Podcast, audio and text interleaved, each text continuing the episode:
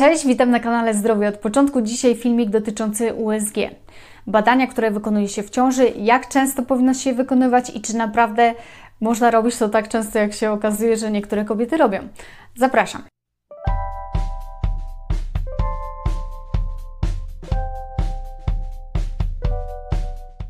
Filmik jakby zrodził się z potrzeby, ponieważ bardzo często czytam na różnych forach, że kobiety dzielą się tym, że USG robią co miesiąc, co trzy tygodnie, co dwa tygodnie.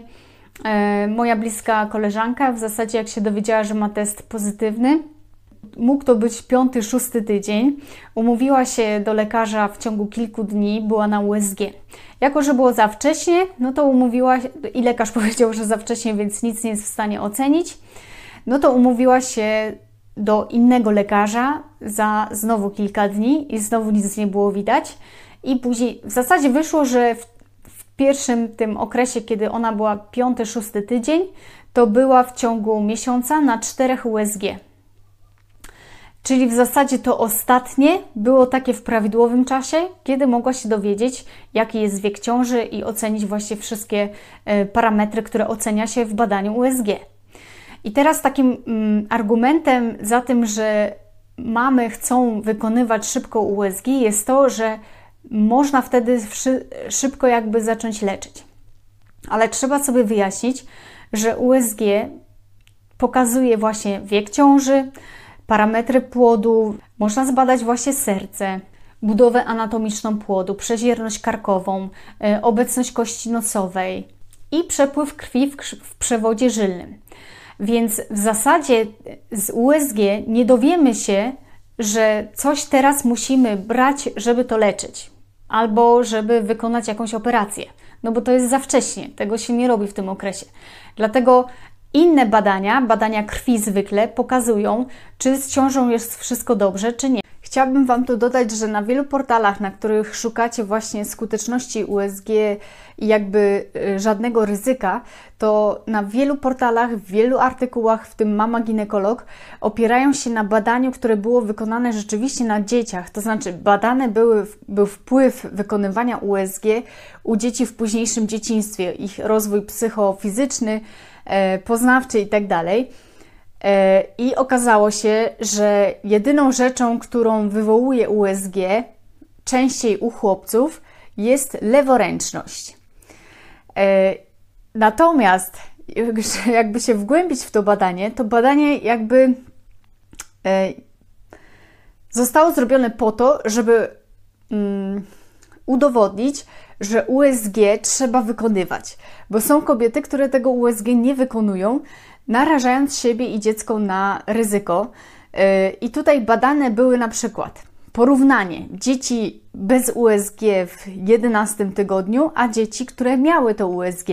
Później w 18 i później w trzecim trymestrze ciąży. Także mowa tam jest o trzech USG w każdym trymestrze w porównaniu do dzieci, które tego USG nie miały. I rzeczywiście w tej grupie, które USG miały, była właśnie często u chłopców leworęczność, to też ciekawe, jak to wpływa. Światowa Organizacja Zdrowia, jak również Polskie Towarzystwo Ginekologiczne zalecają tych wizyt, tych badań USG e, brzucha, USG płodu, trzy w ciągu ciąży. I pierwsze obowiązkowe USG jest dopiero w 11 tygodniu ciąży, 11-14. I to jest ten taki bezpieczny czas również, co się mówi, żeby właśnie te pierwsze trzy miesiące były takie ostrożne i ym, no, liczyć na różne możliwości, które mogą się wydarzyć, ale pierwsze obowiązkowe USG jest w 11 tygodniu. Oczywiście możesz badać sobie, e, lekarz ci zaleci badania, jakie możesz zrobić, jeśli jesteś e, wątłego zdrowia, jeśli coś ci dolega, boisz się czegoś, to jak najbardziej inne badania powiedzą o tym, wyniki tych badań powiedzą o tym, czy potrzebna jest jakaś interwencja, czy nie, ale nie badanie USG. Badanie USG to jest badanie ultradźwiękami. W zasadzie powodują przegrzanie y, o 2 stopnie chyba płodu, y, jeśli chodzi o badania, które kiedyś czytałam, i również chodzi o ten dźwięk. Bywa, że jak rodzice szukają właśnie mm, płci u dziecka, to badanie jest zbyt długie, niepotrzebne i dzieci się chowają, chowają głowę, zasłaniają oczy. Nie wiemy do końca, ponieważ no, USG zostało wprowadzone w latach 80. XX wieku, więc w zasadzie jako taka procedura badawcza jest bardzo młoda i dopiero e, jakby jak pokolenia mogą pokazać, e, czy to jest dobre, czy nie. I to badanie nie jest takie jakby hop To nie jest badanie, które e, jest zawsze jednoznaczne, zawsze miarodajne i zawsze rzetelne, ponieważ bardzo często okazuje się, że są błędy mm, w odczycie tego badania. Ja na przykład mam znajomą, która w ciąży dowiedziała się, że dziecko nie wykształciło oczu. E, opowiadała mi, że wtedy wystrzeliła na drugą stronę ulicy po prostu jak torpeda, w takim szoku. To był tak ogromny stres dla niej, że w sumie nie wiadomo, jak to odbiło się na ten stres na zdrowiu dziecka, ponieważ urodziło się to dziecko z pięknymi oczami, z pięknymi rzęsami, ale z porażeniem mózgowym. E, I są różne, różne po prostu doświadczenia tego, że z dzieckiem były złe odczyty, e, były złe właśnie obrazy USG, e, rodzice byli w ogromnym stresie, prowadzone były dodatkowe badania, które mm, były bardziej inwazyjne. I później okazywało się, że wszystko jest jednak dobrze. Stres, który przeżywa matka w ciąży, ma ogromne znaczenie, jeśli chodzi o rozwój płodu. Także tutaj, y, jeśli będziemy tak często chodzić, a szczególnie wcześnie, no to jakby dostarczamy sobie dawkę stresu niepotrzebnie, obciążając przy tym dziecko. I co to są te ultradźwięki? Y, tak jak jako fizjoterapeutka, y, tak jak mnie uczono na studiach, nie mogliśmy wykonywać ultradźwięków dzieciom, które nie ukończyły fazy wzrostu. Tu są ultradźwięki poprzez powłoki brzuszne. Jest formą energii, Także wykazują działanie w tkankach biologicznych, przez które przechodzą poprzez takie bioefekty. Wyniki badań USG, y, jakby nad USG nie są jednoznaczne i dalej jest jakby wskazanie do tego, żeby poszerzyć te badania. Jednak wiele publikacji wskazuje na możliwość y, negatywnego wpływu na rozwój płodu. W Stanach Zjednoczonych takie wykonywanie USG dodatkowo żeby mieć właśnie pamiątkowe zdjęcia, jest naruszeniem praw amerykańskich, także jest agencje do spraw żywności i leków jest zabronione. Polskie Towarzystwo Ginekologiczne ustanowiło taki, ustaliło taki standard wykonywania właśnie USG i tak jak mówiłam, że to pierwsze w 11-14 tygodniu ciąży, drugie w 20 tygodniu ciąży i trzecie w 30 tygodniu ciąży. E, moja siostra e, wykonała dwa USG w ciąży, to było 21 lat temu i takiej właśnie mówił lekarz. Natomiast tak jak rozmawiałam ze znajomą lekarką ginekolog, to ona po prostu czuje się taka zmuszana, przez matki, żeby wykonać to USG. I jak mówi, że nie ma wskazania w zasadzie do ponownego wykonania USG, to matki bardzo żądają tego roszczeniowo, naprawdę.